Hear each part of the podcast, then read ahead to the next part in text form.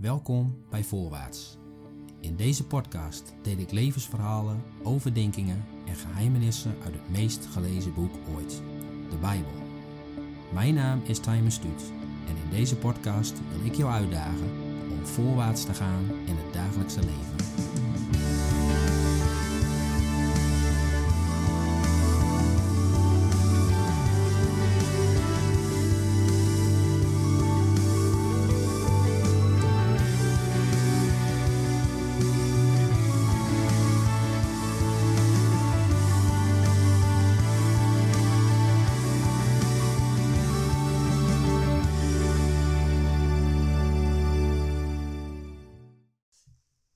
Deze vierde voorwaarts deel ik voor het eerst een geheimenis.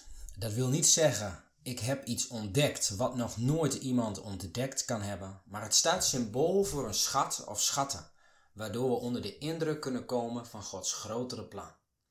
Het gaat deze voorwaarts over verzoening, een woord dat niet zoveel gebruikt wordt, een woord waar wat aan vooraf gaat, en een woord met een rijke geschiedenis en een woord met een nog rijkere betekenis. In deze podcast komt het allemaal aan bod. In Israël is het Joodse nieuwjaar net begonnen, Rosh Hashanah. Het is jaarlijks het moment om de geestelijke huishouding op orde te brengen. Er volgen tien dagen van berouw en inkeer. Een periode om de balans op te maken voor zelfonderzoek. Met als afsluiting Yom Kippur, grote verzoendag. De Joodse mensen beleiden hun eigen en gezamenlijke zonde en willen met elkaar en God in het reine komen. Voor je er meer over wil lezen, in Leviticus 16 kunnen we lezen welke voorschriften God aan Mozes en aan Aaron gaf voor grote verzoendag. Maar verzoening, wat is dat nou eigenlijk? Verzoening betekent dat de relatie tussen mens en God, die gebroken was door de zonde, wordt hersteld. En daarvoor moest op de grote verzoendag wel geofferd worden. Daarover kun je uitgebreid lezen in het net genoemde Leviticus 16. Op deze dag ging de hoge priester het heilige der heiligen binnen, om voor Gods aangezicht te verschijnen. En daar offerde hij het bloed ter verzoening voor zichzelf, zijn gezin en voor het volk. Eerst het bloed van een jonge stier en vervolgens het bloed van een bok. Dat bloed was een voorafschaduwing van het offer het bloed dat de Heer Jezus later zou offeren ter verzoening van onze zonden. Maar in die tussentijd dan? De Heere God gaf op de berg Sinaï zijn instructies. Maar hij wist dat de mens niet perfect was en daarom gaf hij bij de Torah ook de mogelijkheid tot herstel via een offersysteem. God verbond zich met een volk, Israël, dat heilig moest zijn en blijven. Wij noemen de Torah vaak wet. Maar het betekent ook onderwijzing, instructies of leer. En in veel gevallen zou dit een betere vertaling zijn. Want de Torah met zijn instructies reikte namelijk de overtreder de oplossing aan om straf voor de zonde te voorkomen. Is dat geen genade? Dus het was de verzoening van de Heere God om doorlopend vergeving aan te bieden en de mens weer tot Hem te laten naderen. De zonde was in dit schaduwbeeld niet zoals we ons vaak bij het moderne paasfeest voorhouden, achter hem, maar de Heere God stelde juist een systeem in waardoor zonden voortdurend in het heiligdom gebracht konden worden. Dit repeterende offersysteem verwees en verwijst er nog steeds naar dat er daadwerkelijk doorlopende verzoening met God nodig, maar ook mogelijk is. Het oud-testamentisch offeren was niet iets onvolmaakts. Het was toen al een schaduw van het offer van de Heer Jezus. Het was notabene door God zelf ingesteld als verzoeningsmiddel. Niet als een goedkoop labmiddel, maar als een uiting van Gods genade.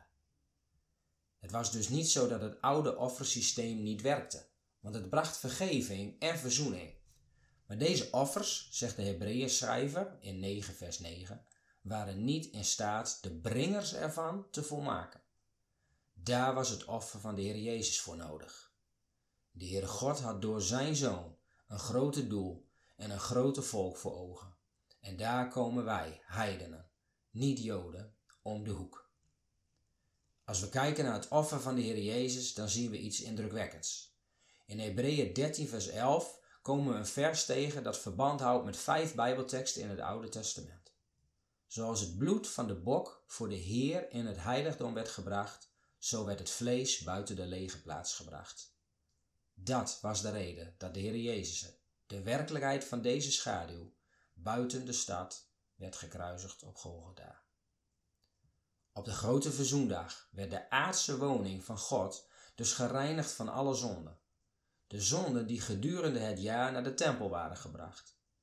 Ook dit is een voorafschaduwing van het ritueel dat de Jezus als hoge priester tot op de dag van vandaag in de hemelse tempel uitvoert, waarbij hij onophoudelijk en niet slechts één keer per jaar voor de berouwvolle zondaren pleit op basis van zijn eigen bloed.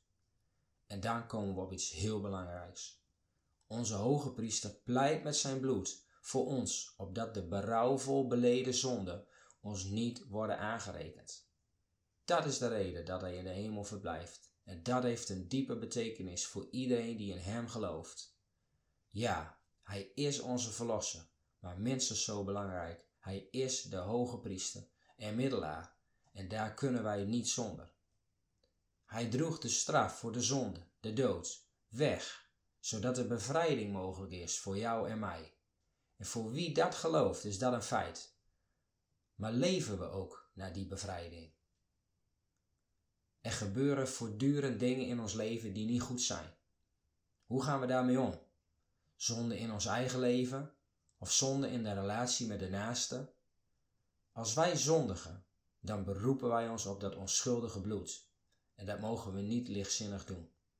Het is niet alleen een kwestie van sorry zeggen tegen de Heere God, als we dat al doen, want tegenwoordig zijn zonde en bekering geen populaire woorden meer. Maar het gaat niet om het ritueel, het gaat om de gesteldheid van het hart en de handeling die daaruit volgt. In het Jodendom is verzoening fundamenteel.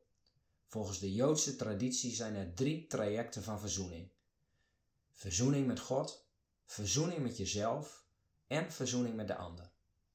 Je hebt vergeving van God nodig om jezelf en anderen te kunnen vergeven. Je hebt verzoening met God nodig om je met jezelf en anderen te kunnen verzoenen. Verzoening is thuiskomen bij God, jezelf en de ander. Zonder verzoening is er geen relatie. Nou gaat het mij niet om de manier waarop de Joden grote verzoendag vieren. Al vind ik het wel mooi dat dit jaarlijks terugkomt, omdat je er een soort van niet voor weg kunt komen. Maar dit besef en het overgaan tot actie, dat is ons voorbeeld.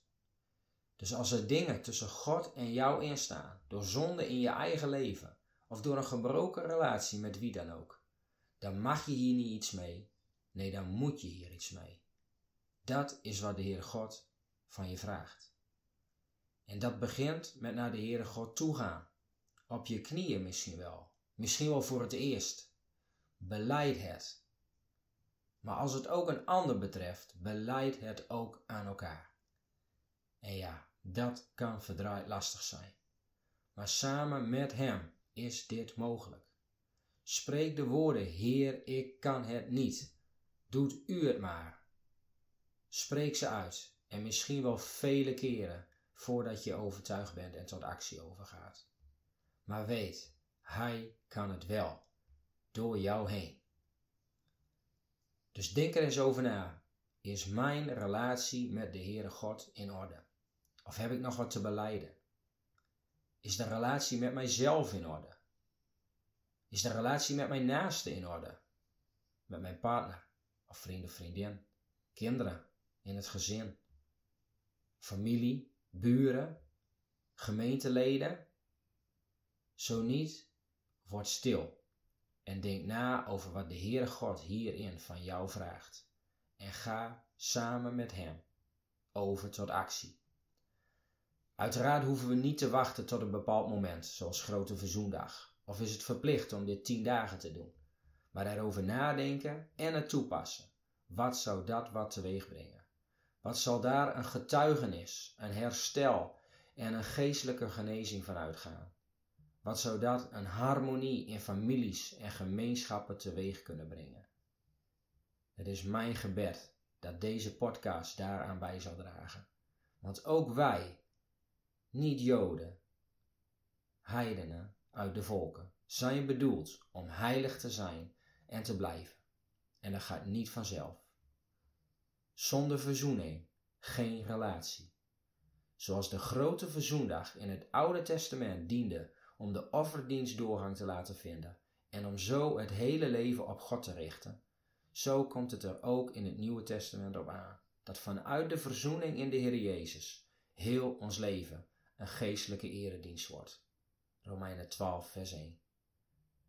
Door het Pesachoffer aan het kruis nam hij de straf voor de zonde, dat is de dood, weg, zodat bevrijding kon volgen. Maar door zijn grote verzoendag verzoent hij zich met hen die gedurende hun levenswandel berouwvol hun zonde in de hemelse tempel brengen.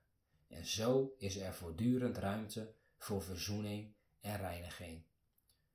Onze hoge priester, de Heere Jezus, bevindt zich dus nog steeds in de hemelse tempel met zijn bloed. Bij de toekomstige vervulling van het feest komt die hemelse hoge priester naar buiten en neemt hij niet langer de zonde van de mensen op zich, omdat er dan een einde komt aan het proces van de zonde en verzoening. De Heer Jezus zelf zal dan, als de hemelse hoge priester, de zonde overbrengen op de kop van Satan, de echte zondebok.